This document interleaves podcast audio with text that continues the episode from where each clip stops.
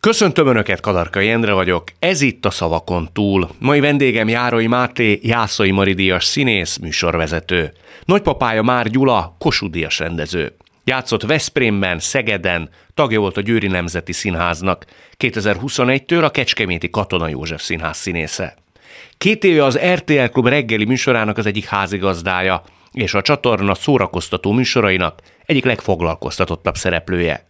Biszexualitásáról többször beszélt a nyilvánosságban. Felesége Járói Kira szinkronrendező.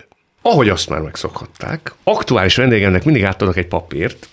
Ezen a papíron kifejezések szerepelnek, kivétel nélkül mindegyik aktuális vendégemnek, Járói Máténak életére, korábbi aspektusára, egy-egy idézetére, fontos szereplőjére utal, nagyon talányos és rejtelmes módon. Hm. Tehát Máténak is mondom, hogy az a kifejezés, ami esetleg számodra evidensnek tűnik, hogy mely témát takarja, közel nem biztos, hogy ez azt akarja, és aktuális vendégem mindig ezen kifejezések közül választ, úgy, hogy nem feltétlenül sejti, hogy életének mely témája kerül majd a boncasztalunkra. Azok kérdőért, akik nem látnak, hanem csak hallanak bennünket, felolvasnám, hogy Járai Máté mely 20 kifejezés közül választhat.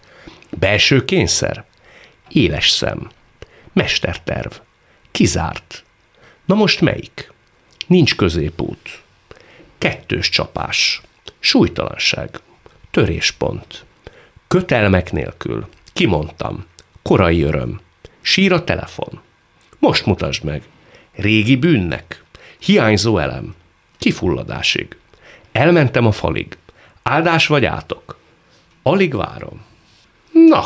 Nagyon jó. Tehát most az van, hogy én választok Te ebből, és van. azt a témát fogjuk egy picit körüljárni. Nagyon jó. Ö, tudod, melyik tetszik nekem? Vagy sok nagyon jó van, amiről úgy nagyjából sejtem, hogy talán miről Nem szólhat. biztos. Nem biztos, az jó. Ö, kezdjük ezzel a na most melyik? Szerinted te tehetséges vagy, vagy érdekes? Nagyon sokáig én ezt a szín, az, hogy én színész vagyok, ezt így nem is nagyon mertem kimondani. Mert, Miért? Úgy volt, mert nekem az egy akkora nimbusz volt, hogy valaki színész. Tehát nekem gyerekkoromban ez egy annyira fantasztikus ö, álom volt, hogy én valaha színész leszek, hogy az, hogy valaki színész, az olyan kb. mintha valakire azt mondtam volna annó gyerekként, hogy ő király. Tehát azért az ember ritkán nevezi magát, hogy én király vagyok. De eltelt már annyi idő a pályán, hogy azt tudom mondani neked, hogy talán a legbiztosabban és a legnagyobb biztonságban a színpadon érzem magam. Tehát igen, akarom hinni, hogy vannak olyan energiáim, és én mindig azt szoktam mondani, hogy nem tehetségesebb vagyok a pályatársaimnál, hanem egész egyszerűen több energiát vagyok képes belefektetni egy-egy szerepbe. Ez mi múlik? Ez kvalitás. Ez kvalitás? Ez kvalitás szerintem azért, mert ö, ö, ugyanazt a szerepet meg lehet csinálni jól, meg meg lehet csinálni nagyon jól, meg meg lehet csinálni gyengén, és semmi máson nem múlik, képzeld el, mint az energián. Azon az energián, amit te belefektetsz abba, hogy az iszonyatosan jó legyen. De ahhoz, hogy az energián túl az tényleg sikeres legyen, az viszont a benned lévő kvalitás. Tehát ö, én azért vagyok érdekes, mert, mert nagyon sok olyan dologról beszéltem, amiről, amiről sokan nem szoktak. Ennek pedig az az oka, hogy én 40 éves korom után lettem országosan ismert ember, addig csak azok ismertek, akik eljöttek vagy Szegedre, vagy eljöttek Szolnokra, vagy eljöttek Kecskemétre, vagy Győrbe színházba. Vagy olyan csatornákat néztek, ahol egy-egy sorozatban én felbukkantam. És amióta én kvázi ismert ember lettem, azóta én, én ez egy teljesen egy vállalás volt, hogy én azt mondtam, hogy oké, okay, akkor engem vagy ezzel együtt, vagy enélkül meg nincs értelme. De miért Az- nincs értelme? Azért, mert, mert én úgy gondoltam, hogy egy csomó olyan dolgot szeretnék felvállalni, amivel együtt én nem vagyok egy kerek egész vagy amik nélkül nem vagyok kerek egész. Én ezekkel együtt vagyok az, aki, és én úgy voltam vele, hogy szerintem egy olyan társadalmi és olyan furcsa elvárások vannak, és itt különösen közép-kelet-európában, ami, ami tehát nekem ez, ebben volt egyfajta népnevelési szándékom is. Most mire gondolsz pont? Most pontosan? például a, a biszexualitás felvállalására például alkoholista szülők gyerekeként nőttem föl, az idegösszeomlásomra, a nyitott házasságomra, egy csomó olyan dolog, ami egyesével is tabu, és bőven elég, hogyha egy emberről ö, tudjuk azt, hogy ő ez meg az, de én azt gondolom, hogy semmivel sem szeretnek kevesebben ezért mint, mint hogyha ezekről nem beszéltem volna. Nagyon sokan a környezetembe lecsesztek, és azt mondták, hogy figyelj ide, egy művész ember az normális esetben egy könyvet ír az életéről. De az a könyv az el fog jutni azokhoz, akik amúgy is nyitottak, mert ahhoz meg kell venni egy könyvet, le kell, szóval az egy csomó dolgot kell csinálni, iszonyú sok időt kell rá ö, fordítani. Viszont az, hogyha egy olyan műsorban beszélsz erről, ami, ami szerintem olyan emberekhez jut el, akik nem feltétlenül befogadók, hanem mondjuk ö, zabálják a bulvárt, és szeretik a bulvárt, és könnyebb témákat, azok viszont szerintem elgondolkodnak, és bizony nagyon sok embert sikerült szerintem megfordítanom, látom, ezt azon, hogy hányan jönnek el azért színházba, mert erre az érdekességre kíváncsiak, és nem a tehetségre feltétlenül. Aztán más kérdés, hogy meggyőzöm-e arról őket, hogy én jó színész is vagyok. Megszoktam Nem csak általában. érdekes. Azt hiszem, igen. Azt hiszem, igen, de ehhez is el kell jönni színházba, tehát fáradtságot kell venni, tudod? Tehát nem csak az van, hogy te leülsz egy tévéműsor el, és azt mondod, hogy fúj, ez mekkora egy barom. Az más kérdés, hogy a sajtó, és most itt elsősorban a bulvár sajtóról beszélek, vagy sokkal inkább a, a netes oldalakra gondolok, akik egy-egy kattintásért aztán ezt úgy forgatják ki, ahogy csak kell. De én ezt is megtanultam kezelni, és pontosan tudom, hogy a kattintásért milyen cikk fog megjelenni arról, hogyha én beszélek a másságról, beszélek az alkoholizmusról. Tudod, hány embert érint az?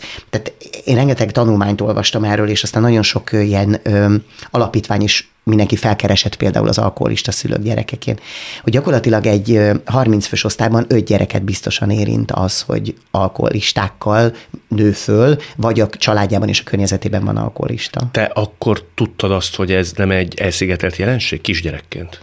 Nagyon sokáig nem. Nagyon sokáig nem tudtam, hanem úgy voltam vele, hogy ahogy én élek, vagy ahogy mi élünk, az valószínűleg így normális. Az mi, mi volt pontosan? Hogy éltetek ti? Hát úgy, hogy, hogy mit tudom én, így délutánonként már problémát jelentett egy-egy dolog megbeszélés a szüleimmel, vagy így mindig izgultam azon, hogy ha hazamegyek az iskolából, akkor még lesznek-e olyan állapotban mondjuk, hogy én, hogy én tudjak erről, erről, vagy tudjak érdemben beszélni bármilyen problémámról. Ők délután már hangulatban voltak? Igen, és egy ideig ez úgy nézett ki, hogy amíg fiatalok voltak, addig úgy voltak hangulatban, hogy, hogy bulik, átjöttek barátok, stb. stb. Csak aztán valahogy ez így megmaradt egy picit. És igazából nekem nyilván az fáj a legjobban, hogy utána így 40 éves korom környékén, vagy 30 éves korom felé elég komoly problémát jelentett ezeknek a traumáknak a feldolgozása. Mert egy ideig az ember ezt így eltemeti magában, vagy azt látja, hogy, hogy ja, hogy a szomszéd Pistikéknél ez nem feltétlenül így van. És ott esténként együtt társasoznak mondjuk a szülőkkel. A szenvedélyüket egy fokkal jobban szerették nálam, vagy a hugomnál, és ezt nekem fel kellett tudnom dolgozni. Hogyha valaki valakit nagyon szeret, akkor minden szenvedélyétől képes megszabadulni azért, hogy teljes értékű ember lehessen vele. Ők tettek arra kísérletet, hogy megszabaduljanak nem, nem, soha. ettől? Soha. Nem, nem, nem. Tudatában voltak ők annak, hogy, hogy mennyire elharapózott ez náluk? Azt hiszem, hogy ők még abban a fázisban voltak, amikor úgy gondolták, hogy ez e, e fölött ők uralkodnak, tehát hogy ez, nem, ez mhm. nekik nem probléma. És látod, ez is milyen érdekes, hogy választok egy olyat a felsorolt lehetőségek közül, amiben rögtön ez a téma felmerül. És nagyon sokan vádolnak engem azzal, hogy én tulajdonképpen ezzel haknizom. Holott én nem ezzel haknizom, hanem én vállalok valami olyan dolgot, amit azt gondolom, hogy nagyon sokaknak azért kellene vállalniuk, mert egész egyszerűen egy tehertől szabadulnak meg. Ezeknek a vállalásoknak semmi más értelme nem volt, csak annyi, hogy mindenki, akiket ez érint rajtam kívül tudják, hogy nincsenek ezzel a problémával egyedül. Hat csoportra osztják az alkoholista, illetve a szenvedélybeteg szülők gyerekeit, és én a bohó bohóc vagyok, nagyon sok minden van. Van a menekülő, van a nem tudom én ki, aki ott elbújik, és nem, hogy a társaság középpontja nem lesz, hanem állandóan mm. csak egy megfigyelő marad, aki próbálja úgy feldolgozni az eseményeket, hogy ott sem vagyok. A bohóc az az a típus, csak gondolom, próbálom dekódolni, aki a szeretet hiányát, hogy mondom, próbálja meg kisajtolni másokból, hogy folyamatosan szerepel, folyamatosan elől van. Tökéletes próbál. megfigyelés, így van. És amikor ezt elolvastam, akkor rögtön utána a pszichológusomnak arról beszéltem, hogy milyen érdekes, hogy én azt hittem, hogy, hogy én nagyon különleges és egyedi vagyok bizonyos szempontból. De ebből a szempontból egyáltalán nem. Tehát olyan szinten vagyok bekategorizálható, mint ahogy egy influenzásról megállapítja az orvos, hogy hát igen, ha köhög és fáj a torka, akkor ön influenzás. Az számodra kiderült, ma már 40 valahány éves korodra, hogy a szüleit pontosan miért csinálták ezt? Természetesen, persze. Hát ő nekik is, tehát az én édesanyámnak nagyon nehéz gyerekkora volt szintén. Tehát vitte tovább azokat a dolgokat, amiket én nem szerettem. Ő volna. ugye Már Gyula lánya. Így van. Legidősebb így van, lánya. Így van, így van. Így És Törőcsik Mari nevelt lánya. Hát igen, mondjuk ők nem éltek együtt soha, de kvázi. Tehát, hogy igen, tehát híres felmenők, és nem tudom, micsoda. Az, hogy én olyan színész lettem, ami, ezekhez mind kellettek ezek a mélységek és fájdalmak. Hiszen egy humoros szerephez is az élet mindenféle tapasztalata kell, hogy te azt úgy el tud játszani. De azért elcserélnéd annak árán, hogy legyen egy tökéletesen harmonikus gyerekkorod. Nem? Hát képzeld el, hogy így utólag ez, ez, ez, ez, szóval hogy mondjam, én azért kiártam egy utat, ami által lettem az, aki ma vagyok. Tehát én nagyon nem szeretném elcserélni arra. Nekem képzeld hogy van olyan színész kollégám, akiről pontosan tudom, hogy azért nem elég jó, mert nem élt meg semmilyen mélységet az életébe. Mária Kállásznak van egy Mesterkurzus című ö, műve, meg ugye ebből készült színdarab is, a Kutvegyi Zsike játszotta Mária Kálászt, és ott elhangzik, hogy az egyik tanítvány bejön, és azt mondja, hogy veszítettél már el valakit? Legalább egy kutyád meghalt már az életedbe, vagy egy macskád, vagy valakit. És akkor mondja végig a nő, hogy nem, nem, őt nem. És azt mondja, hogy ez hiányzik a hangodból. Tehát, hogy ez hogy, az, hogy azt lehet érezni, hogy valaki milyen mélységeket élt meg. Tehát én azt mondom, hogy nyilván valamiért a sors, vagy bármilyen, ö, bármiben is hiszünk, valami miatt nekem ez volt a feladatom az életben, hogy, hogy így kellett felnőnöm. Hogy nagyon korán fel kellett nőnöm ahhoz, hogy tudtam, hogy a problémáimat nekem magam kell megoldanom. Ez hány éves korodban volt? Hát figyelj, én már nagyon korán tudtam, hogy, hogy az anyukám azt mondta, hogy ha nem lesz pénzünk, akkor ki fogják kapcsolni a villanyt például. De bocsánat, nagyon jó módba születtetek. Hát egy ideig igen, na de hát tudod, ez a tücsök és a hangya esete. Tehát, hogyha van, akkor elkötjük, ha nincs, akkor meg, meghúzzuk a nadrágszíjat. Én nem egyszer mentem uzsonna nélkül iskolába. És aztán persze voltak mindig barátaim, meg a barátaimnak szülei, akik küldtek nekem uzsonnát, meg mindent, tehát én mindig megoldódott, tehát soha nem éheztem, félreértés ne esik. Csak hogy tudom, hogy az a fajta picit könnyelmű élet, amit mondjuk így a szüleim éltek, és jelen esetben az egyik napról a másikra élünk, tipikus esete, amikor nem foglalkozunk azzal, hogy a gyerek, tehát mindig, karácsony mindig december 24-én van. Ehhez képest többször előfordult, hogy nem tudtunk karácsonyfát venni. Na most egy gyereknek a csoda az az, hogy van karácsonyfa, meg van ajándék.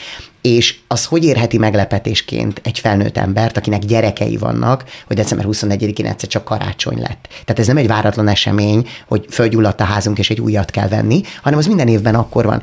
És ezek miatt van bennem egy harag, Persze van bennem egy tisztelet is a szüleim felé, mert nagyon sok mindenre megtanítottak ezáltal, amit nem tudnék.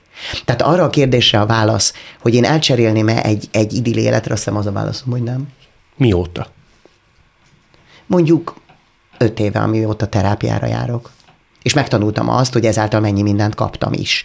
Tehát, hogy, hogy, az, hogy az, hogy milyen nehézségek vannak, és hogy mai napig milyen kódok jönnek be az életembe, amiket nyilván az anyám meg az apám ugyanúgy megkapott gyerekkorába, csak ők azt csak egyetlen egy hiba van, ha egyáltalán hibáról vagy, vagy hibáztatásról lehet beszélni, az pedig az, hogy ők nem dolgoztak azon, hogy ezt ne vigyék tovább, és ne örökítsék. Te mond, megéltette velük szemben a haragod? Tehát kifejezted azt? Igen, csak az a baj, hogy akkor már nem voltak abban a szellemi állapotban, hogy ezt igazán megértették volna. Későn jutottam el arra a pontra, amikor én teljesen tisztában voltam vele, hogy a haragot is ugyanúgy át kell adni, mint a, mint a szeretetet, mert hogy a között néha nagyon kevés és kicsi a különbség. Én nyilván haragszom azért, mert nem, nem szerettek eléggé, vagy a maguk módján nekem nem volt elég az a szeretet, amit tőlük kaptam. Tehát, ha jól sejtem, az alkohol azért kifejtette a pusztító hatását. Hát náluk. ne viccelj, persze. Hát az anyám belehalt az alkoholba. Ő abba halt bele? Persze persze. Tehát 28 kilósan az apám karjai között esett össze, mert a szervezet egyszerűen nem bírta tovább már ezt a dolgot. Szóval nyilván, igen. És az apám pedig, aki most egy otthonban él, ő, ő pedig így az anyám nélkül, meg így az az elbutulás, ami így az anyám életének utolsó harmadában volt, az őt is egy picit így, így leépítette, szóval, hogy így az anyám volt az ész a családban, és ő tényleg egy nagy intellektus volt, és hát tényleg olyan felmenőken, mint Illés Béla Kossuth Díjas író. Aki, ő volt a nagyapja. Igen, ő volt a nagyapja, az én déd nagyapám. Tehát tényleg elképesztő koponyák voltak így körülöttem, csak egyik sem tette meg azt, hogy egy olyan útot végigjárjon, ami talán a legkeményebb és a legkőkeményebb önmagunk megismerése, és tudni, hogy azok a blokkok, amik bennünk vannak, ami miatt iszunk, ami miatt kényszerzabálunk, ami miatt... De ő, miért, ő miért ivott? Mi, mi hiányzott az ő életéből? De most az anyámra gondolsz? Igen. Ő szerintem folyamatosan kisebbségi komplexussal küzdött a, a, a, és, és a szeretet hiánytól. Tehát azért azt ne felejtsük el, hogy az anyám 56-ban született, és akkor ugye Már Gyula lelépett ugye az 56-os forradalom elől, és a, és a tehát nyilván nem akar bíróság elé állni, mint, mint forradalmár, és nem tudom, hogy micsoda, és ő kiment akkor Angliába, és az apa hiány?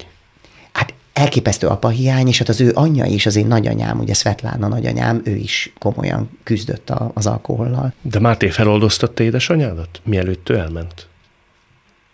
Nem. Azt hiszem nem. Tehát legalább annyira szerettem őt, mint amennyire haragszom rá mai napig. Azt hogy fogadták, amikor te 16 évesen azt mondtad a szüleitnek, hogy meleg vagy? Ó, hát ők így, így rántottak egyet a vállukon, és azt mondta anyám, hogy tízre itthon légy. Amikor engem például egy ilyen miatt megítélnek, vagy nem tudom, engem egyáltalán nem, nem bánt, képzeld el. Soha nem is bántott? De, de, de. Hát amikor én bekerültem a médiába, és én rájöttem arra, hogy az, amilyen én vagyok, az milyen sok embernek nem tetsző, akkor én úgy voltam vele, hogy ja, basszus, hát igen. Na de ki az, akit szerinted mindenki szeret? Tehát még a kismacskára is van, aki azt mondja, hogy undorító. De mi irritálhat emberekben valamit benned? Jaj, rengeteg minden. A feminitás rohadt irritáló. Ö, rohadt irritáló az a fajta ö, látszatszabadság, és azért mondom a látszatszabadságot, mert azért nekem sem úgy van ám, hogy én indián szögdelve megyek mindig a közértig meg vissza. Szóval rohadtul vannak problémáim, de azt hiszem, hogy az önelfogadás és az önazonosság, ami rengeteg munka eredménye, az el tudom képzelni, hogy rohadt irritáló lehet. Tehát Olyanok rohadt... számára, akik nem fogadják el saját magukat. Hát persze. Na de tudod, miért nem fogadják el? Mert az iszonyatos meló. Az nem úgy, hogy én holnap úgy kelek fel, hogy elfogadom, hogy ilyen a hangom, elfogadom, hogy így nézek ki, elfogadom, hogy kopaszodok, elfogadom, hogy sose leszek én a világ legjobb pasia. Hát ezeket, ezek, ezek olyan dolgok, amik mögött sokkal mélyebb fájdalmak húzódnak, mert nem a haj, és nem a hang, és nem a nem tudom én mit teszi az ember, de ez az első, amivel mások találkoznak. És hogy lehet sok munkával eljutni oda, hogy azt mondja az ember, ilyen vagyok, és szeretem magam. Úgy, hogy el kell menni a flalig. Tehát el kell menni odáig, amikor úgy érzed, hogy gyakorlatilag eddig bírom mindazt, ami én vagyok, mindazt a ami engem körbevesz, és mint az a fájdalom, ami engem életem során ért, és innen is nem tovább. És ott el lehet dönteni, hogy ezt az életet végig akarod-e csinálni, vagy nem. Tehát én ebből a szempontból elmentem a falig. Ez volt az ideg összeroppanás? Így van, ez volt a 19-es összeomlásom, amikor én úgy voltam vele, hogy én nagyon sok nap éreztem azt, hogy nem akarok élni. Mert egyszerűen torkig voltam az életemmel, és torkig voltam önmagam, és azzal a fájdalommal, amivel tudtam, hogy nekem most ezekkel mind-mind-mind meg kell birkóznom. De akkor mi volt a te legfőbb bajod saját magaddal? Hát azt hiszem, az a fajta önelfogadás, hogy én így nőttem föl, nekem ilyen gondolataim vannak, nekem ilyen szexuális orientációm van. Ez Engem... zavart téged saját magadban? Hát azért zavart, mert a feleségemen és azokon a partnereimen kívül, akikkel én együtt voltam, ezt nem tudta senki. És mindenki érezte, vagy tudta, hogy itt valami furcsaság van, de nem tudtam önazonos lenni mindaddig, amíg ezzel, erről nem beszéltem. Tehát a te környezeted nem tudta azt, hogy te biszexuális Jaj, de hogy nem. Hát azok a, a hozzám közel álló barátaim nyilván tudták, de voltak olyanok, akik nem, és mégis közel voltak. És a másik az, hogy túlvállaltam magam, és ez meg azért van, mert gyerekkoromban annyit kellett nélkülözni, hogy én úgy éreztem, hogy én soha többet nem akarok olyan helyzetbe kerülni, hogyha bemegyek a közétbe, meg kelljen néznem, hogy mennyit elkerül Tehát te gazdag tészta. akartál lenni? Én jó módú akartam lenni. És Gazdag, dolgoztál rengeteget. És annyit dolgoztam, aminek abból a szempontból volt csak látszatja, hogy én a Győri Nemzeti Százba 35 előadást letoltam egy hónapba. Azok, akik oda jártak, és azok, akik tud, azok tudták, de ezt senki más nem tudta, csak a környezetem és azok a színházba járó emberek, hogy hogy lehet 35-öt játszani egy hónapban. És egy előadás közben kaptál egy pánikról. Igen, de egy olyat, amire én azt hittem, hogy az infarktus, hogy, hogy nem tudom, tehát így összeestem konkrétan.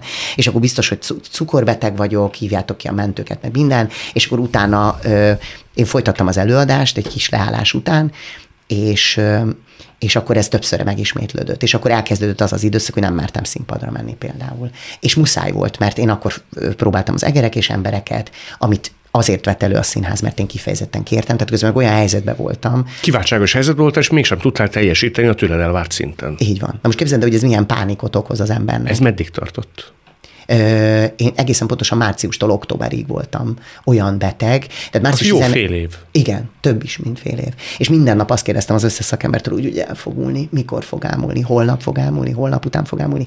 És hogy gyógyszerek, iszonyú pszichoterápia, kezelés, és akkor éreztem azt, hogy kiterítettek egy boncasztalra, fölnyitottak engem. Most ezt csak azért mesélem így, mert, mert gyakorlatilag az agy és a, a lelked megfejtése az pontosan ugyanolyan, mint amikor ki kell venni belőled egy, egy tumort. Tehát csak neked kell feldolgoznod. Tehát vannak orvosok, akik ebben segítenek, de azzal, hogy fölírnak neked nyugtatót, meg terapálnak, meg kérdeznek, meg minden. Olyankor minden egyes nap nagyon komoly erőkifejtéssel jár, hogy egyáltalán ellássam a rutinomat. Egyáltalán fölkelj. Legszívesebben az ember feküdne. De az is fáj. Tehát nem az van, hogy akkor ott jó, mert akkor én ma nem megyek sehol, és nem kell emberekkel találkozni, az is iszonyuk egy. Úgy kell elképzelni egyébként ezt, mint amikor az ember influenzás lesz, és előtte már órákkal érzi, hogy fájnak az izületei, és hogy iszonyú szarú van, és semmi másra nem vágyik, mint lefeküdni. Na most képzeld el ezt fél évnél tovább Tehát egyszerűen nem bírod, tehát az, hogy pszichésen annyira sok erő kell hozzá, hogy ezt viseld, ezt a fajta fájdalmat, hogy amikor a hajat fáj, tehát nem tudok mást mondani, amikor összegyűlnek annyira a benned lévő ö, blokkok, hogy azt mondja a szervezet, hogy oké, okay, akkor egy picit össze kell, hogy es, hogy elkezd magaddal foglalkozni. És a másik, senki nem kerül ilyen helyzetbe, aki, aki szereti önmagát, képzeld el. Erre is rájöttem. Tehát ez a titok. Ez. És azóta szereted magad? Azóta sokkal többször vagyok képes megveregetni a vállamat, és azt mondani, hogy oké, okay, ezt most végigcsináltad, és igen, ez, ez, ez klassz volt. Vagy megcsináltad ezt a premiért úgy, hogy mellette forgattál egy tévéműsort. Le a kalappal. Addig ezt, ezt nem, nem tudtad dicsérni Képzeld, magad? nem. Nem, mert folyamatosan többet vártam magamtól. Hát fia, anyámtól azt kaptam, hogy a színészet az nem munka, mert az hobbi. És az embernek a munkája az mindig csak az, amit nem szeret. Az ember a munkáját nem szereti. Mert ha szereted, amit csinálsz, az hobbi. Képzeld el. Neki volt egy ilyen elmélete, tehát emiatt a színészetet ő nem tartotta munkának. Azért nagyon furcsa filozófia ez, nem? Hát több, mint furcsa. Csak próbáltam finoman fogalmazni. Igen. Ez itt továbbra is a szavakon túl Járai Mátéval. Azt mondd meg nekem, mert ez nagyon érdekel. Egy olyan ember esetén, akiben senki nem hisz, az önbizalma tulajdonképpen nulla, mégis hogy mer kiállni színpadra, hogy mer elmenni hétszer felvételizni, tehát a valami belső tűz, valami belső kikezdhetetlen mag, az kellett, hogy legyen benne. A menekülés. Menekülés? Persze. A menekülés abból az életben, amiben voltam. Tehát, hogy én itt maradok örökre, ha én nem leszek valaki. Hm. Ö, és ez a mocsár, ami nekem a, a múltam, az le fog húzni, hogyha én nem, ö, hogyha én nem mászom ki a fényre. Egyébként Töröcsik nagyanyám mondta azt, aki soha nem segített nekem abba, hogy én színész legyek. Mert ő azt mondta, hogy ha tehetséges vagy, akkor majd ott leszel, ahol kell. Ő, neki volt ez a híres mondása, hogy a tehetség mindig utat tör magának. Tehát egész egyszerűen valaki hinni fog benned, de ez ne én legyek. Ha egy, tényleg tehetséges Ha tényleg vagy. tehetséges vagy. Akkor valaki hinni fog benned. Én most egy árucik vagyok, ami per pillanat most fut, és a közértbe megveszik az emberek, de jönni fog az újabb ez így van. De ez nem baj. Az így van, ez abszolút így van. Hát jön. Csak olyan kollégáddal még nem találkoztam, de a, a bár, televízió bármilyen ö, szakmabéli ember tudnék mondani, aki ne azt mondaná, hogy számol vele, és amikor bekövetkezik, nem zuhan össze. Még ha nem is mutatja meg. Tehát nagyon sok olyan sorsot láttam, akinek mikor a csillaga kezdett leáldozni, az óriási recsenéssel járt számára. Én már megrecsentem, hogy nem vagyok ott. Tehát én azt hiszem, hogy ezt behoztam előre. Érted? Tehát uh-huh. a 19-es mhm. megrecsenésemben az is benne volt, hogy éreztem, hogy ez egy, ez egy szakmai kapuzárási pánik is volt, hogy úgy éreztem, hogy a 40. születésnapom után omlottam össze egyébként. Tehát 40 éves korodra nem lettél az, aki szerettél Így volna, van. és azt mondod, hogy akkor mi a túró lesz velem? Így van. Pontosan. Tudod, mi volt az ijesztő a 19-es összeomlásomban, hogy ugyanazok a gyógyszerek voltak az éjjeli szekrényelmen, mint anyámnak. Ezek nyugtatók? Jobbára? Nyugtatók, kedélyavító. Igen. Tehát, hogy olyan dolgok, amivel az életet próbálod túlélni bizonyos nehéz helyzetekben. Tehát azért volt ijesztő, hogy így ránéztem, és azt mondtam, hogy Jézusom, hát Ugyanez a lila doboz volt nálunk, amikor gyerek voltam. Tehát, hogy a sorsodat nem tudod elkerülni, és az a tanulság, hogy nem is kell, hanem, hanem végig kell rajta menni azon az úton, amivel én ma neked erről ilyen könnyedén beszélek. És még csak könyv se szökik a szemembe. Mert annyira reálisan rálátok erre, és túlságosan reálisan látom az életemet, és emiatt nem fogok megrecseni, amikor nem leszek majd ott a, a tévében. Te mit vártál elsősorban az ismertségtől? Tehát népszerűséget, pénzt, szeretetet, sok-sok, nem tudom én, kapcsolatot. Tehát mi volt a te vágyad? Ezt mind. Ugyanis én egész életemben valaki akartam lenni, és nem hittem abban, hogy valaki lehetek úgy is, hogy nem vagyok valóságban is valaki. Uh-huh. Mert például ez olyan érdekes, hogy az én feleségem olyan ember, hogy ő bárhova bement azelőtt, mint hogy rögtön mindenki felkapta a fejét, hogy ő, ő valaki, ugye? De ki is, ki is, ki is, és azt mondja, hogy ja, senki, kvázi. Tehát, hogy vannak olyan típusú emberek, akik nem attól lesznek valakik, hanem megjelennek, és ők valakik. Én, amikor színész akartam lenni, és még a filmszínház muzsika járt nekünk, vagy nem tudom, hogy én megvettem a sporolt pénzemből a 80-as évek végén, és amikor 88-ban, 10 évesen a padláson ott ültem, és azt mondtam, hogy én ebbe egyszer játszani fogok, és én leszek a törpe, és egyébként játszom benne, és én vagyok a törpe, csak nem a Víg Színházban, hanem a Győri Nemzetiben, de hogy, de hogy az álmok valóra válnak, csak nem teljesen úgy, hanem egy kicsit, szóval minden összejött, csak nem teljesen úgy. Tehát nem Víg Színházi színész vagyok, hanem Győri meg Kecskeméti színész vagyok, ott vagyok a címlapokon, de nem feltétlenül azzal, hogy én a Kriplér Jászai díjat kaptam, hanem mondjuk azzal, hogy összevesztem valamelyik média személyiséggel, uh-huh. vagy beszóltam neki, Tehát minden összejött, csak nem feltétlenül abban a sorrendben is úgy, ahogy. Tehát igazából a válaszom az az, hogy amikor én gyerek akartam, gyerekkoromban színész akartam lenni, akkor az volt a kérdés, hogy akkor nem volt kérdés az, hogy egy színész az ismert ember. Ma egy csomó olyan színész van, akit mi tudunk, hogy kicsoda, de a nagy közönségnek fogalma nincs róla. De te inkább ismert akartál lenni, mint Kossuth Díjas színész, akit a kutya nem ismer. Igen. Tudod, mi a szörnyű, és egy kicsit szánalmas is, hogy ma attól hiszem el, hogyha elmegyek egy rendezvényre, akkor pontosan tudom, hogy oda fognak a fotósfalhoz állítani, hogy szeretne ez meg ez az újság. És, és, és felhívsz, és itt ülök veled beszélgetni. Ettől hiszem el, hm. hogyha én veled beszélek, akkor vagyok valaki, mert te nem hívsz meg akárkit. Meg attól hiszem el, hogy ültem a Friderikus előtt, meg attól hiszem el. Szóval érted? Csak az a baj, és, és ez még egy nagyon érdekes dolog, hogy én nagyon sok napot úgy élek meg, hogy túlélem. Nem megélem, hanem túlélem. Ma is? Ö, igen, mert teljesítenem kell. Tehát Kifelé. Hát ide figyelj, eljö, most például csak vegyük a mai napomat. Ö, ö, itt szeretnék kerek egész épp mondatokban beszélni veled, szeretném, hogy érdekes legyek, szerethető legyek, mindazokat, akik mondjuk engem eddig nem kedveltek, de azt mondták, hogy miattad megnézik, azt mondják, hogy te ez nem is egy hülye gyerek, vagy hogy lehet, hogy érdemes megnézni színházban, mert bár a bulvár szerepléseit nem bírom, de lehet, hogy színészként tud valamit. Tehát van egyfajta ö, megfelelési kényszer bennem, hogy itt jól teljesítsek. Mindannyiunkban benne van, csak kell tudni egy féket húzni, hogy most inkább éld meg ezt a pillanatot, hogy jó, és lehet, hogy fogsz hülyeségeket mondani, de ha visszanézed, vagy mások visszanézik, akkor találnak benne három olyan mondatot, amire azt tudják mondani. Na ezért nézd meg, Ibike, te is ezt az izét, mert eddig utáltad, mint a szart, de lehet, hogy nem egy barom. Biztos vagyok benne, hogy ez így lesz. Válasz kérlek egy másik témát. Jó. Most mutasd meg. Ha egyetlen egy dolgot mutathatnál meg ö, azoknak az embereknek, akik nem hiszik el, hogy te jó színész vagy, idegenkednek tőled, vagy kétségük van veled kapcsolatban, ez lehet színházrendező is, és Ibike is. Te melyik munkádat mutatnád meg? Mondjuk 10 percet mutathatsz meg valamiből. Melyik az, amire azt mondod, na gyerekek, itt meg lehet mérni? Kettőt tudok mondani, már rögtön kapásból. Ö, és az egyik a, a kabaré, ból a konferencié, ahol úgy érzem, hogy azok az emberek, akik azon a bemutatón ott voltak, vagy azok a kollégáim soha nem kérdőjelezték meg a, az alkalmasságomat a pályára. Soha. Tehát az egy olyan ö, eufória volt, hogy én úgy én nem tudom, hogy, hogy ezt tudom-e überelni. Tehát, hogy azon a premiéren elrepült a színház, tehát fölemelkedett és elrepült, és azt hiszem, hogy a nézők között nem sok olyan volt, aki azt mondta volna, hogy de miért ez a fiú. Rájöttél, hogy ez miért volt? Igen, mert akkor kaptam meg valamit, amire egész életemben vágytam. Én hat éves voltam, amikor keresztül mentem a szobán, és fekete-fehér tévénken Joel Gray és Liza Minnelli énekelték a Money Money-t, és azt mondtam, hogy ezt egyszer én biztos. Tehát én lesz, nem tudom, leszek mi én még konferencia. Leszek én még, és nem tudom mi ez, meg kicsit félek is tőle, meg egyáltalán. És az a fajta mélység, ami az én életemben volt, az teli találattal talál. Az a fajta különbség, furcsaság.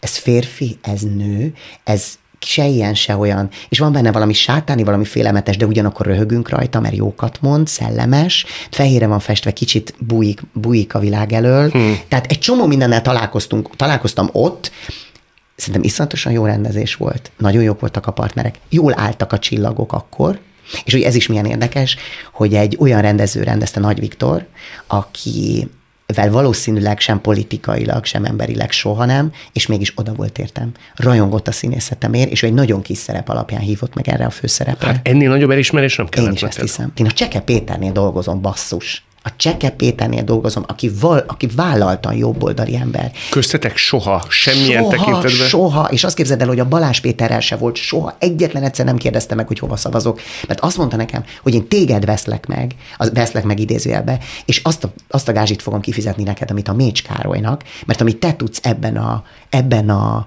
ö, életkorban, és, ebbe, és a te generációdba tudsz, az egyedülálló. Mondta ezt arra a vígjátéki színészetre, amire ő oda volt.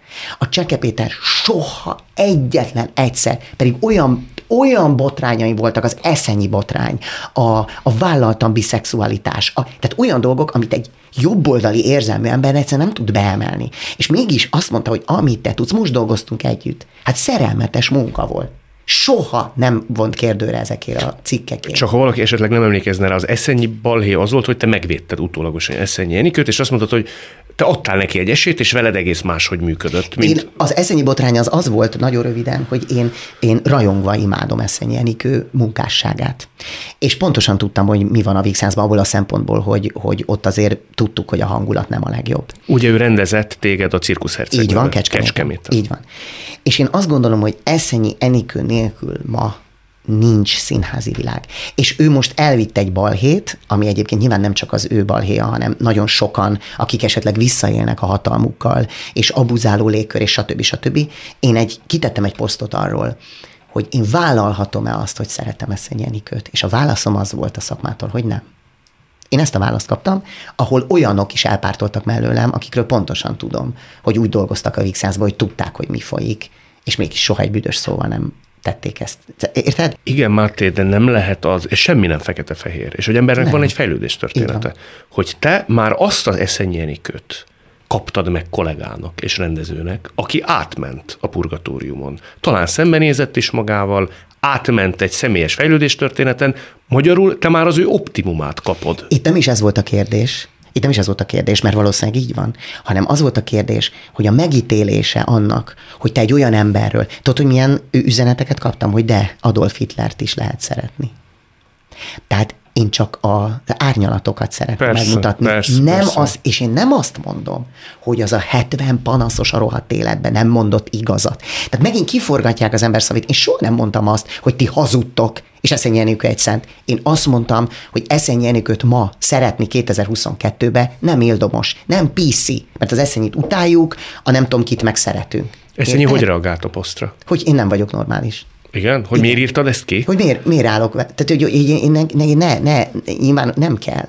Nem kell, hogy, ő, hogy én ugyanazokat az ellenségeket megkapjam, akik ők. Szóval, aki, akit, akiket ő. És félreértés ne Én nem azt mondom, hogy bizonyos dolgokkal nem értek egyet. Nekem más a, a tűrés határom. Nagyon más. És megint visszakanyarodok arra, hogy az, aki alkoholista szülővel nő föl, az mást visel el például. Tehát az érzékenységi fokom egész más. Én nem sértődök meg rendezőre soha. Akkor se, ha övön alul bánt, és akkor se, ha undorító. Mert pontosan tudom, hogy miről van szó. Arról, hogy ő egy eszelős. Ő egy eszelős, akinek az a dolga, vagy ő azt szeretné. Ez nagyon messzire vezet, és nem is akarok hosszan erről Tényleg messzire vezet, csak egy észrevételem, észrevételem, hogy legyen. Nem arról van szó, aztán én mindig kéretlenül pszichologizálok, pedig tényleg itt csak kibicként, hogy egy ilyen típusú ember, mint te, rettenetesen vágyik a szeretetre, és még annak árán is elnézi Eszenyenikőtől vagy bárkitől azt, hogy ő hozzá máshogy szól, durván szól, megalázza, mert kap tőle egy általan olyan elismert embertől szeretetet. Vagyis sokkal figyelem és szeretetéhesebb vagy, mint egy olyan ember, aki nem ilyen közegből jön, ezáltal elnézőbb is vagy, annak árán, hogy téged megdicsér. Ez is igaz, és az is igaz, hogy rohadt jól kezeltem az eszenyit. Az miből állt? Az, hogy én nagyon megtaláltam vele a közös hangot.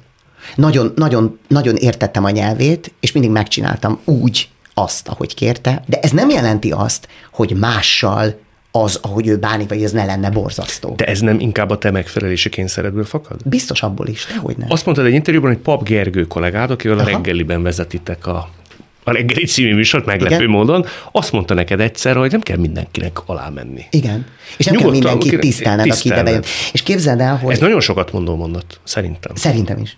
És ugyanakkor megképzeld el, hogy úgy gondolom, hogy nekem például a reggeliben egy picit olyan, mint hogyha én valakit meghívtam volna magamhoz. Természetesen a szerkesztők állítják a műsort, nem én mondom meg, hogy ki jöjjön be. De velem ülnek le beszélgetni, és gondolom, hogy te itt a műsorban ez a te döntésed, hogy te kivel beszélsz. Maximálisan. Na, maximálisan. Tehát ki az, aki téged érdekel, ki az, aki Így úgy van. gondolod, hogy ki tudsz belőle valami ott hozzá, amit még nem Igen. hallottunk, stb. De ott nem. Ott nem az én döntésem, hogy ki jönnek. Nekem, bármennyire is egyetértek az illetővel, kutya kötelességem vendéglátóként viselkedni az adott műsorban. Igen, Máté, de ez akkor hiteles, ha tudsz sok olyan példát mondani az élet egyéb területén, színházba, televízióba, bárhol, ahol te mersz ellentmondani a felettesednek. Ah, oh, rengeteg ilyen. Igen? Persze. Hányszor volt az, hogy a főnökhelyemmel összevesztem? És kaptam, egyébként még a székhelytől is volt olyan, hogy kaptam ö, ö, írásbeli figyelmeztetést. De miért szólsz te? Mit kell elkövetni? hogy felemeld az, a szavad. Például az igazságtalanságot rohadt nehezen viselem egyébként. Tehát azt a fajta igazságtalanságot, vagy például, ha mást ér igazságtalanság, és úgy érzem, hogy nekem van ráhatásom. Egyébként csak egy, egy ilyen nagyon ö, egyszerű példát mondjak. Ö, ö, ö, rossz volt a fejmosó a színházba, és nekem, és nagyon sok más kollégámnak színese volt fújva a haja. És hónapok óta alul folyt ki, és a, izé, ott a fodrásznő négy kézláb takarított éjfélig, hogy a vizet följe. És fölmentem az igazgatómhoz, és majd ezt kisípolott, de megkérdeztem tőle, hogy kit kell látni ahhoz, hogy ez a fejmosó meg legyen csinálva. Már elnéz, ne haragudjatok. Hónapok óta ö, éjfélig itt van a Marika, és most föl azért, hogy a mi hajunkat ki tudja most. Másnapra meg volt csinálva. De ehhez az a pozíció is kellett, hogy én tudtam, hogy a fölmegyek, ezért nem leszek kirúgva hogy ezt én ebben a stílusban megkérdezem. Tehát azzal is vigyázni kell, és ez igaz, hogy ebből a szempontból van bennem egyfajta ö, mérlegelés, hogy milyen ö, szankciókra számíthatok ezért. És az RTL-es felfüggesztésem is olyan volt például, hogy meg kellett tanulnom, hogy bizonyos dolgokra nem pofázol. Szóval ott arról volt szó, hogy Ráci Enővel, ti voltatok együtt a nyerőpárosban, és volt egy konfliktus, és ennek folyamányaként, amikor ő bement egyszer a reggeliben, nem akart veled egy asztalhoz leülni. Te ezt elmondtad Istenes Bencénél. Az RTL ezért téged másfél hónapra felfüggesztett. Ezt ti tisztáztátok aztán Rácienővel? Nem, soha. Ugyanis a Ráció ennek csak egy gyújtómotorja volt. Tehát igazából az, hogy, hogy ezt hogy oldja meg a csatorna, vagy hogy oldja meg egy műsor, az, az, a, az a belső az csak is kizárólag arra az, azokra az emberekre tartozik. Ilyen van, hogy valaki nem akar leülni valakivel beszélgetni, én ezt is megtanultam. Olyan nincs, hogy, hogy én utána ezt sértettségembe elmondom. Ott meg voltál sértődve? Nagyon. Nekem ez fájt. Az RTL-re voltál megsértődve, vagy Rácienőre? Ah, nem rácienőre, de hogy is. Hát a rácienővel nem bírjuk egymást, az oké. Okay. És az, hogy ő, hogy ő kijelenti, hogy ő mit nem hajlandó, az tök oké. Okay. Csak hogyha ennek van fóruma, és van lehetőség arra, hogy ő ne beszélgessen velem. Én otthon éreztem magam egy műsorban, ahol nem az volt a döntés, hogy te vagy itthon, és ő egy vendég, hanem az lett a döntés, hogy most nem tudunk mást tenni, mint az, hogy téged abból a műsorból kiszedünk, érted? RTL-re hát tisztáztad ezt? Persze, Aztán mindenki. Minden, ezt. szent a béke. Abszolút. És én azóta ott ülök, és megbeszéltük, hogy, hogy, hogy, hogy, hogy mik azok a dolgok, amik szerződés szerint nem tartoznak a nagy nyilvánosságra. És ez egy belső információ volt, hogy ezt a csatorna így oldotta meg. Egyébként a gyártó cégről van itt szó, nem a ez egy külsős gyártó cég eh, gyártja egyébként uh-huh. a reggelit, tehát ez a külsős gyártós cég döntése volt, nem az RTL-é, de ezt is nyilván az hangzatosabb, hogy jára itt az RTL tiltotta, nem mint az, hogy a reggeli gyártó cég, mert az ez nem teljesen ugyanaz. De én, én tanultam ebből a hibámból is például. És képzeld el, hogy nem tudom, hogy eh, ha újra tehetném, akkor Szóval, hogy soha többet nem fog ilyen hibát elkövetni nyilván, mert azért azt tudjuk, hogy nem pofázunk mindenről, de én egy ilyen pofázós vagyok, és mindig azt szoktam mondani az újságíróknak is, hogy vigyázz, hogy mit kérdezem, mert válaszolok. Azt tanúsíthatom, és ez a legjobb alany, ez a típus, őszinte. Ez itt továbbra is a szavakon túl Járai Mátéval. Ha már ezt említetted, ezt a rácienős történetet, jól tudom, hogy most egy RTL-es műsorban fogtok igen. szerepelni. Ez már forog is, ugye? Ö, igen. Ő a zsűri, te pedig kvázi versenyző vagy konfliktusmentesen tudtok együtt dolgozni? Figyelj, nem cél a konfliktusmentes együttműködés szerintem. Sokkal inkább az a cél szerintem ennél a műsornál, hogy figyelj, én nagy bevállalós vagyok. És azzal, hogy én most lehetőséget kapok egy csatornától, hogy én olyan műsorokba vegyek részt, ahol a komfortzónámat maximálisan el kell hagyni biztonságos keretek között, én a Survivor-be is elmentem, és rengeteg kollégámtól kaptam meg, hogy figyelj már ide, szóval hogy egyik nap játszod, de nem tudom én, mint másik nap meg bokarakat teszel a tévébe. Szerintem ezt a kettőt totál külön lehet választani. És emlékszem arra, amikor a 90-es években volt egy kerekasztal beszélgetés, ott ült az Asser Tamás, az Alföldi, a Csákányi Eszter, a Stóla, nem tudom, és az volt a téma, akkor jöttek be a kereskedelmi tévék. És voltak bizonyos e, elfogadó színházak, amik azt mondták, hogy nekik nem fér bele, hogy az ő színészük reggel a köröngombáról beszél egy bőrgyógyásszal, este pedig Arthur Miller egyik darabját játsza. És én már akkor, a 90-es évek amikor tinédzser voltam, is azt mondtam, hogy de hát miért nem? Szóval én értem, hogy ez egy, hogy is fogalmazzam jól, és nem bántom. Tehát, hogy ez egy világnézeti kérdés, hogy ez a színész. És akkor a Csákányi is azt nyilatkozta egyébként, hogy ő nem szeretne olyan partner szemébe nézni, aki reggel a tévébe ö, egy zsebkendő márkáról beszél. Nem félsz, hogy emiatt lemaradsz egy csomó mindenről? Ha meg ezt nem vállalom, akkor amiatt maradnék le egy csomó mindenről. De szerinted leszel De... te még nagy, veretes fővárosi művészszínház deszkáján bármikor látható színészként? Szerintem nem. Pedig nagyon karod levágtad volna egy időbe ért. Igen. Ha annó a között kellett volna mondjuk választanom, hogy akarok az Örkény vagy a Katona József Színház színésze lenni, aki nem tudom, estéről estére elvarázsolja a közönséget és a szakmát, vagy pedig akarok-e újságok címlapján lenni, és a Survivor-t megjelni, biztos azt választottam volna, hogy igen, én is az őrkény színésze akarok lenni. De nekem más volt az utam. Hát én nem találkoztam ezekkel az emberekkel sehol se. Hát igen, ezek az emberek nem tanítottak, ezek az emberek nem. És az az érdekes, hogy, hogy nekik van egy színházuk, meg nekem van egy színházam. És közben én oda szeretek sokszor színházba járni, miközben ők soha nem fognak engem színészként elfogadni. Tehát ez egy... Ezt érzed? Ez nem kérdés. Tehát a fővárosi fősodor a fővárosi fősodor a magát egyébként és, és kulturálisan, és eszméjében, és gondolatiságában hozzám legközelebb álló színházi sodor soha nem fog. Mert én egyébként a celebvilágban túlságosan színész vagyok, a színészvilágban már túlságosan celeb. Tehát sehova se tartozom, de én ezt világéletemben meg, el, már így volt az óvodában is. Mert az óvodában hosszú hajam volt, és mindenki azt hitte, hogy kislány vagyok, utána az iskolába túlságosan, miért, vagy, miért lányokkal barátkozom. Tehát én ezt mindig elfogadtam, hogy soha nem oda tartozom, ahova egyébként talán ö, igazán szeretnék, és félreértés ne essék, én azért is nagyon sokat adtam volna, hogy én műsorvezető lehessek egy kereskedelmi csatornán. Tehát azért közben meg most a lelkem boldog. És azért bejött a reggelibe az Ónodi Eszter velem beszélgetni. Érted? Hmm. Tehát, és közben bejött a Puskás Tamás, a centrál vezetője egy új dajabb. Tehát, hogy közben ott ülnek velem azok az emberek, csak ők úgy vannak vele, hogy ja, hát azért, tehát mindkét oldalnak egy kicsit vállalhatatlan vagyok, az az igazság. És, és úgy vagyok vele, hogy oké, okay, rendben van, én ezt elfogadom. Hogy sosem fognak, ö, ö, sosem fog egyik oldal sem igazán befogadni. De azért nagyon meglepődnél, hogyha egyszer megcsörren a telefonod, és nem tudom én, valamelyik nagyon. művész színházigazgató. Nagyon meglepődnék, és nagyon összeszarnám magam, mert úgy lennék vele, hogy na most itt valami nagyot kell dobbantanom, hogy bebizonyítsam, hogy nem vagyok szar. És akkor nagyon izgulnék, hogy mi a szerep, hogy ki rendező, hogy kik vannak mellettem, hogy én abból jól ki tudok-e jönni. Mert az a közeg, ahol én most vagyok, abból a szempontból biztonságos, hogy tudom, hogy amit rám bíznak, azt meg fogom csinálni 150 ig De ha egy ilyen típusú, nagyon erős művészszínház felhívna engem, akkor, akkor biztos, hogy meg lennék ijedve, és azt mondanám, hogy ú, uh, például, hagyd mondjak egy példát, szerintem nagyon idevág. Most megnéztem a Csikágót nyáron, Szegeden, a, Szegeden, a Szegedi Szabadtéri Színházban. És képzeld el, hogy ott állt egymás mellett az Onodi Eszter és a Jan Zakata, akik mind a ketten a maguk műfajába két zseniális Mi színész. több Lakatos Márk is például. Lakatos Márk is ott volt, természetesen csak azért említem a főbb Csak hogy egy nagyon eklektikus szereplőgárda volt. És tudod, hogy mi volt az érzésem? Az Ónodi görcsöl a Janzától, mert ő rohadt jól énekel, a Janza görcsöl az Ónoditól, mert ő az ország vezető színházának vezető első számú színésznője. Tehát még a szakma egymástól is görcsöl. Mindenki görcsöl mindenkitől. Tehát nem csak a közérbe görcsöl Pirike Marikától, mert Marika jobban van az igazgatóval, és látta, hogy fél szelet szalámit levágott, hanem ugyanígy görcsölünk szakmán belül is, egymástól halálosan görcsölünk. Hogy de ezt ránézett a, a Janzára, aki anyaként, és mint ahogy Marton mamaként ránézett, és beintett neki, hogy most indulunk, és a szólam így fog szólni, mert ő ebben így van otthon, és egyébként akkor az unodinak meg kellett szólalni, és azt mondta, hogy a Példás francba gyerekek, ah, tudom én micsoda, akkor meg nézett a Janza, hogy hú bajon, én meg tudok ilyen erővel szólni. Nagyon és jó. az egész egy beszarás volt.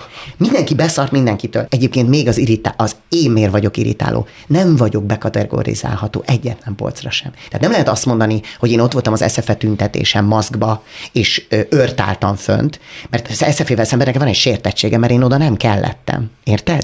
te és jó... ettől függetlenül nem gondolom azt, hogy annak ledózerolása egy másodpercig is normális volt. De említed a Színház és Filmművészeti Főiskolát, hétszer próbáltad meg, amikor először szembesültél vele, hogy nem vettek föl, akkor az ítéletet felolvasó hölgynek azt mondtad, hogy nézz át azt még egyszer, mert valószínű, hogy elronthatott valamit, itt tévedés van, mert így, téged felvettek. Így. Nem lehet az, hogy te akkor nem voltál jó? Hétszer. Dehogy nem. Hát nem csak, hogy nem voltam jó, nem voltam alkalmas a felvételire. Hát kezded, hogy nekem milyen hosszú spánián hajam volt, amit hiába kért a Marton, hogy sodorja, mert nem látja az arcom. Nem voltam hajlandó, mert az be volt lőve. Idáig lógott le, egy ilyen olyan hajam volt, mint oda a Beatleseseknek, ilyen gombafriszkon volt idáig, és nem láttak semmit, csak egy szájat. És mondták, hogy de hát az Isten szerint üljön ide le és csináljon így, tegye el a haját. És én nem, mert az be volt lőve.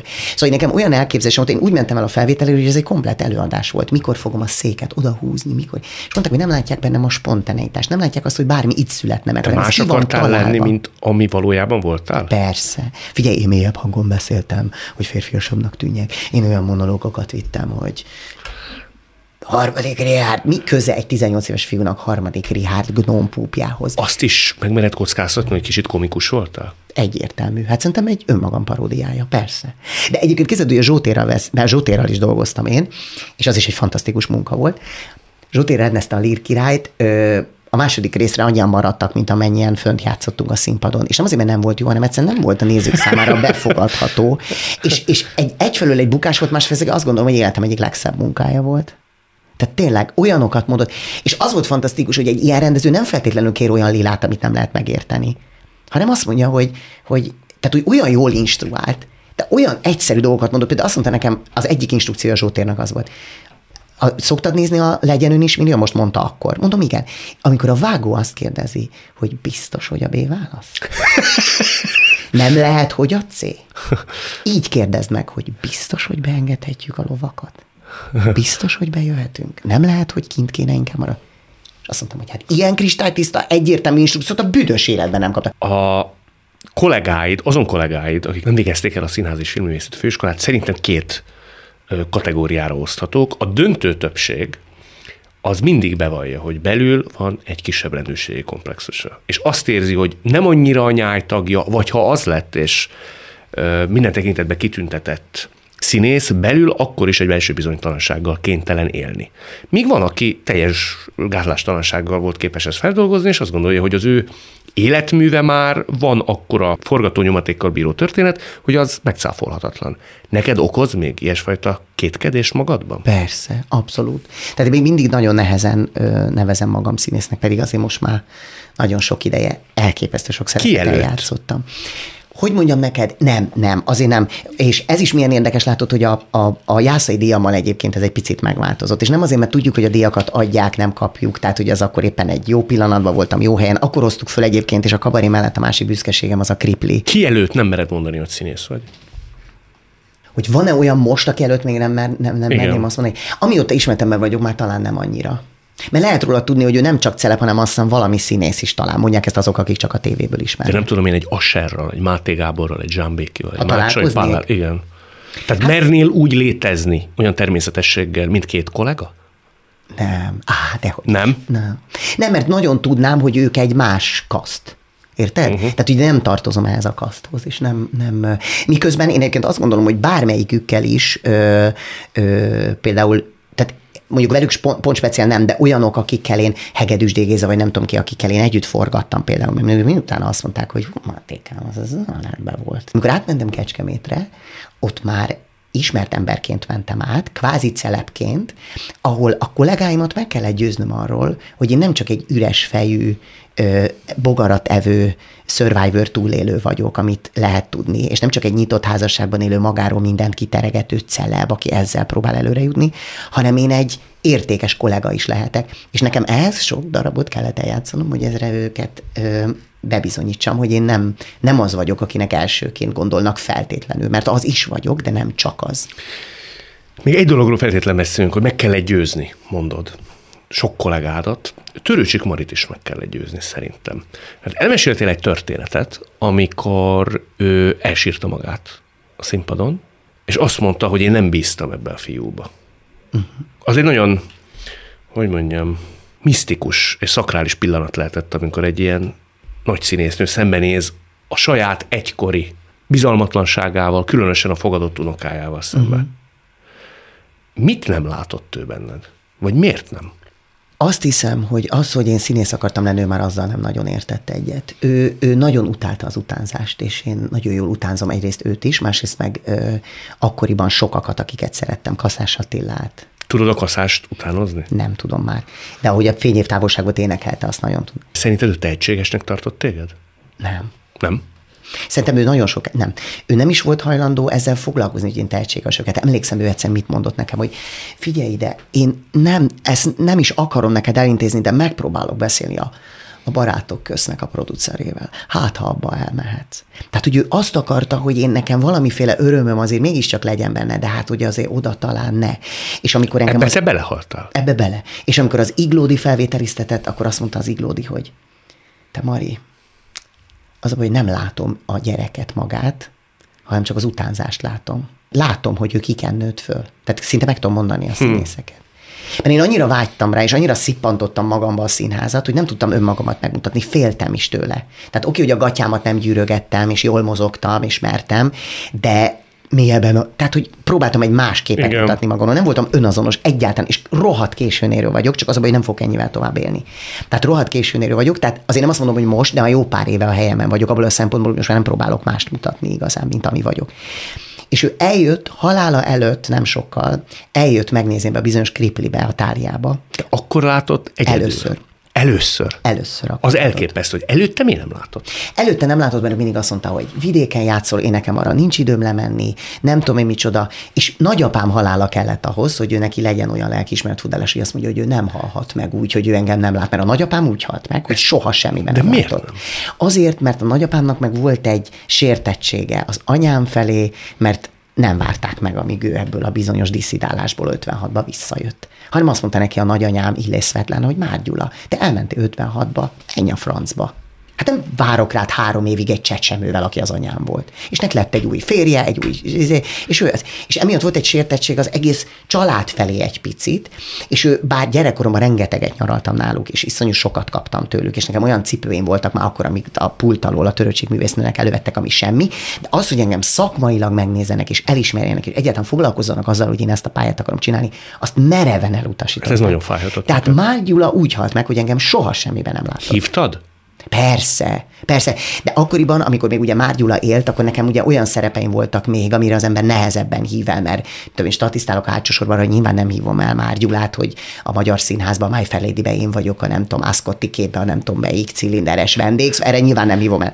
És amikor meg már jókat játszottam, akkor meg már ugye ő nem él. És törőcsik mivel lett aztán meggyőzve? Tehát meg kellett halnia a nagypapádnak, hogy azt mondja, Igen. hogy ő nem halhat meg úgy, hogy Képzeld el, hogy nagyapám halála után jóval közelebb kerültünk egymáshoz egyébként. Tehát az anyám sokszor volt ott nála, segítette őt, amikor, mit tudom én, már nehezen mozgott, meg nem tudom én mi, és akkor egyszer csak azt mondtam, hogy na jó, egy életem, egy halálom, Pestre hozzuk a kriplit, és erre légy szíves, gyere el. Ez 2014. és légy szíves, ezt nézd meg, mert ez nagyon izé. És eljött, és hát eufória, szóval tényleg állva tapsolt az egész tália. már nektek vagy neki? Ne- nekünk. Pardon, nekünk, már a, már a feltételezés és nem, sértő nem, nem, elnézést. igaz lehetett volna, nem. És hát egyébként azt mondta nekem utána, te ide figyelj, egy kezemen meg tudom számolni, hányszor álltak föl nekem a színházba. Azt mondta, hogy ez nagyon nagy dolog. Tehát ő ott valamit megértett abból, ami eddig. És azt mondta, hogy az volt a legfantasztikusabb, hogy akkor tetszett neki a legjobban, amikor meg se szólaltam, hanem csak ültem egy széken, és azt mondta, hogy mindent tudott, hogy mi megy az agyamba. És azt mondta, hogy ez, erre nagyon kevesen képesek. Jó, hogy a színészeknek a az a- jelenlét, az a, Aha. az a fajta jelenlét, uh-huh. amikor nem beszélsz, nem produkálsz, nem ízész, hanem csak ülsz, és nézel magad elé. És két nő beszélget a sarokba. És az utolsó életrajzi könyvében, amit a Bérces írt róla, ebbe van is egy külön passzus, mint mostoha unoka, címszoba, 194. oldalra kell lapozni egyébként.